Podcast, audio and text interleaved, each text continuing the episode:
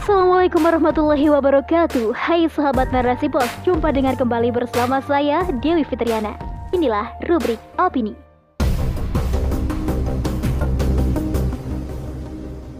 Alih fungsi lahan semakin mengancam ketahanan pangan Oleh ICT Nuraini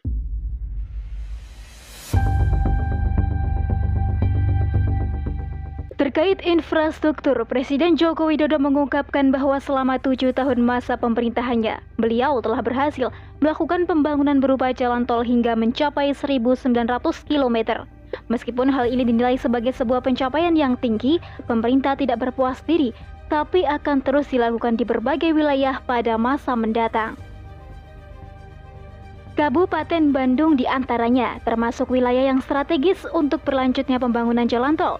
Hanya saja menurut Kepala Dinas Pertanian Kabupaten Bandung, pembangunan infrastruktur seperti jalan tol, perumahan dan fasilitas industri akan menyebabkan alih fungsi lahan pertanian yang produktif.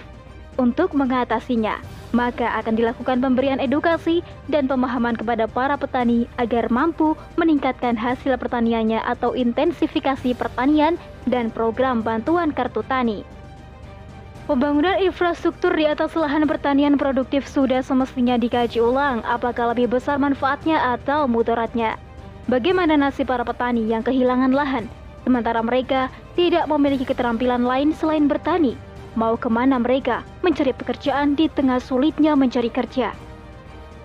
Pembangunan infrastruktur selayaknya ditujukan untuk memberikan kemudahan kepada seluruh rakyat. Jangan sampai para petani hanya diiming-imingi penjualan tanahnya dengan harga tinggi. Selanjutnya, hilang mata pencaharian. Sudah terlalu banyak tanah pertanian yang produktif berubah menjadi perumahan ataupun pabrik, ditambah buat jalan tol. Kalau tanah pertanian terus berkurang, selain rakyat menjadi korban, juga sangat berpengaruh terhadap ketahanan pangan di negeri ini. Para pemangku kebijakan semestinya meninjau secara mendalam akibat dari jor-jorannya pembangunan jalan tol. Karena jalan tol tidak mungkin bisa dinikmati oleh rakyat kecil, apalagi tarifnya yang terus naik. Sebenarnya, sudah bisa ditebak, pembangunan infrastruktur jauh dari kepentingan rakyat, tapi kepentingan para pemilik modal untuk meraup keuntungan besar.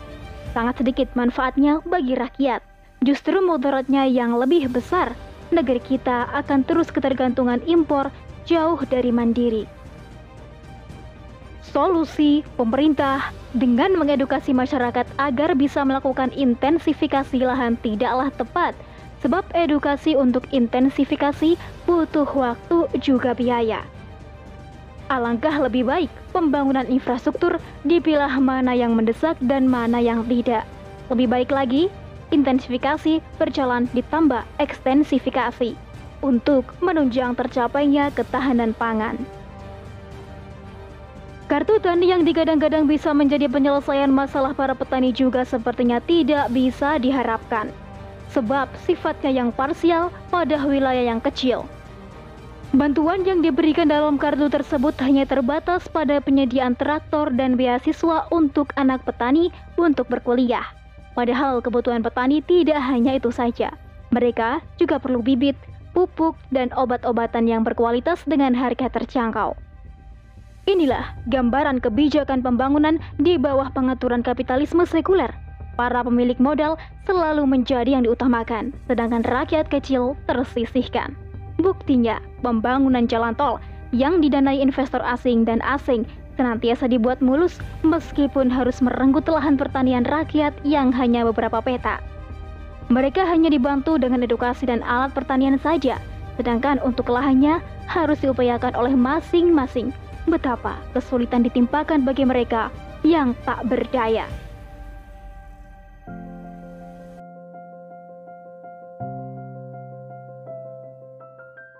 Gambaran berbeda akan ditunjukkan jika sistem Islam yang mengatur urusan kehidupan.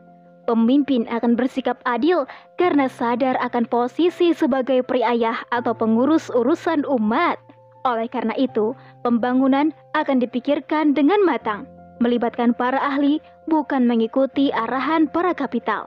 Maka negara akan mempertimbangkan mana wilayah yang cocok untuk dibangun infrastruktur sehingga tidak mengganggu lahan pertanian. Jika akan melakukan pembangunan infrastruktur di suatu wilayah, mau tidak mau harus mengalihfungsikan lahan pertanian, maka pemimpin dalam Islam akan membuka lahan subur lainnya untuk digunakan para petani. Dalam Islam juga terdapat aturan tentang ihya'ul mawat, di mana rakyat bisa menggunakan lahan kosong yang tidak berpemilik atau tidak digarap selama tiga tahun oleh pemiliknya untuk dimanfaatkan menjadi lahan produktif.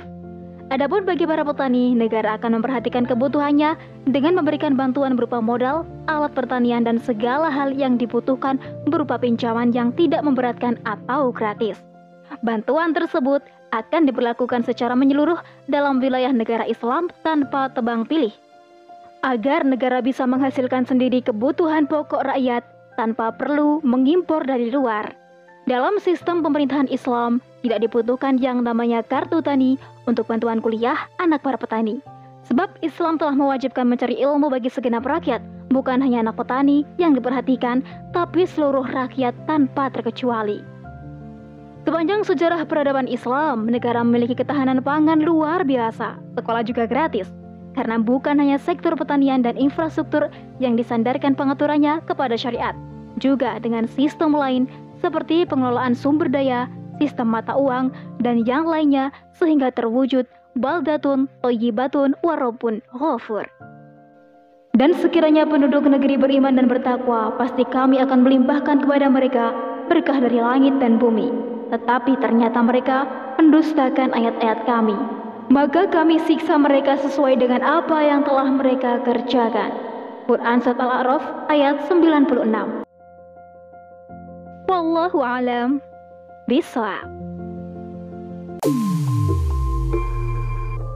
Bagaimana sobat? Makin greget setelah dengar opini kali ini?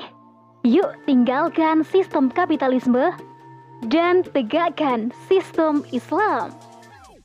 Saya Dewi Fitriana. Sampai jumpa di podcast Narasi Pos selanjutnya, tentunya di rubrik-rubrik yang berbeda. Tetap stay tune ya. Bye-bye.